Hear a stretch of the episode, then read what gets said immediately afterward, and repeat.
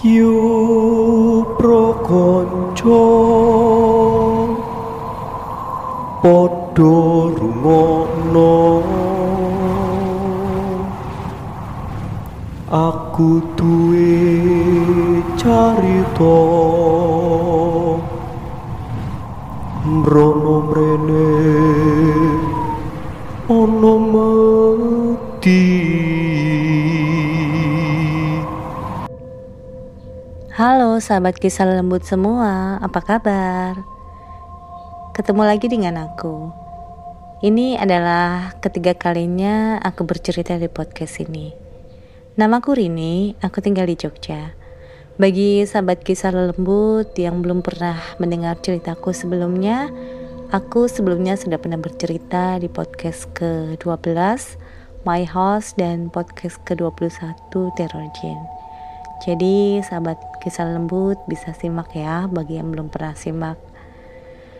Kali ini aku ingin cerita tentang kisah pengalaman ibuku. Waktu itu orang tuaku masih bekerja di Sumatera. Tapi sebelum aku bercerita lebih lanjut, aku ingin juga mempromosikan channel YouTubeku. Bagi sahabat kisah lembut yang ingin kepoin isi channel YouTubeku bisa cari di channel YouTube Catur Tulus Teori ini. Seperti yang sudah aku katakan tadi, bahwa memang pada waktu itu bapakku sudah bekerja di salah satu BUMN di Sumatera dan sekitar tahun 1974 mereka mendapat kesempatan untuk menempati rumah dinas. Tentu saja orang tuaku sangat bersyukur karena mendapat kesempatan untuk menempati rumah dinas. Akhirnya mereka pindah di rumah dinas itu bersama dengan omku karena waktu itu omku masih bujangan. Tetapi ternyata tidak seperti yang dibayangkan karena konon katanya rumah dinas itu memang terkenal angker atau ada penunggunya. Biasanya sih yang diganggu adalah para kaum Adam atau kaum lelaki. Mereka yang tidur di rumah bagian belakang atau kamar belakang sering kali diganggu ketika tidur. Entah karena memang tidak tahu atau tidak mau tahu, omkulah yang pertama kali mengalami hal itu. Awalnya beliau berpikir bahwa tidur di kamar belakang itu nyaman karena tidak ada yang mengganggu. Tapi kenyataannya justru terbalik. Beliau sering kali terjaga di tengah malam karena merasa ada yang menggelitikin. Awalnya beliau kira itu bermimpi atau halusinasi. Tapi karena sering terjadi, akhirnya beliau percaya bahwa memang ada sesuatu yang mengganggu dan akhirnya beliau memutuskan untuk tidak lagi tidur di kamar belakang itu. Karena tidak ada satupun anggota keluargaku yang mau tidur di kamar itu, akhirnya ibuku memutuskan untuk tidur di kamar itu. Ya, walaupun memang sih beliau tidak tidur sampai pagi di situ. Paling beliau pindah ke kamar utama setelah beliau selesai berdoa di tengah malam. Hal itu tentu saja sesuai dengan petua yang pernah dipesankan kakekku pada ibuku. Beliau berpesan bahwa seandainya ingin mengusir makhluk halus dari suatu tempat, bisa dilakukan dengan cara berdoa sampai tengah malam selama 40 hari. Dan walaupun kondisi ibuku waktu itu sedang hamil atau sedang mengandung kakakku yang kedua, tapi beliau melakukannya itu dengan rutin. Dan benar sampai menjelang 40 hari kejadian aneh pun terjadi.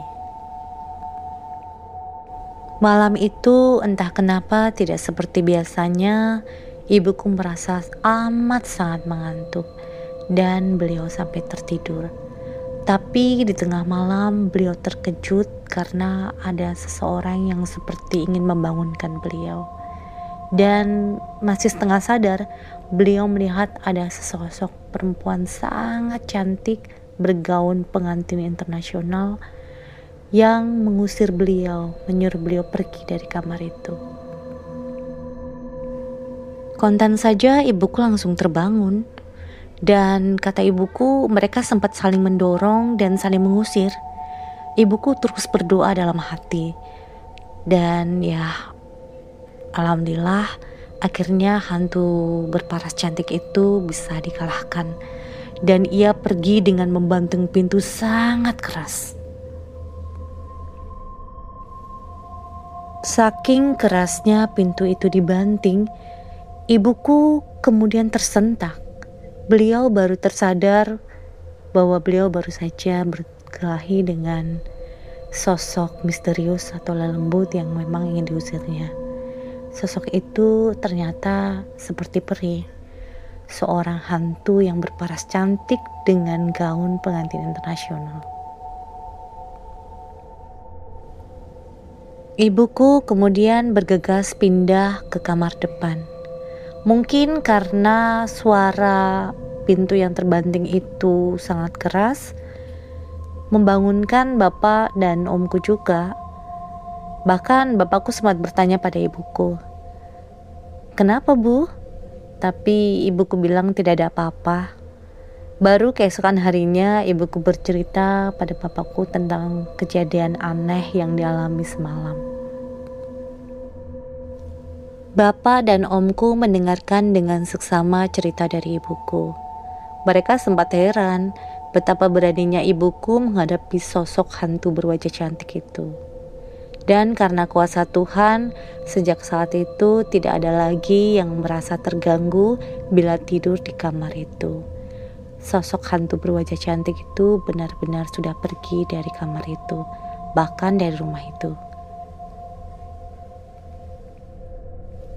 Dari ceritaku tadi, aku cuma ingin menyampaikan ke sahabat kisah lembut semua bahwa kita tidak perlu takut dengan makhluk-makhluk gaib yang ada di sekitar kita.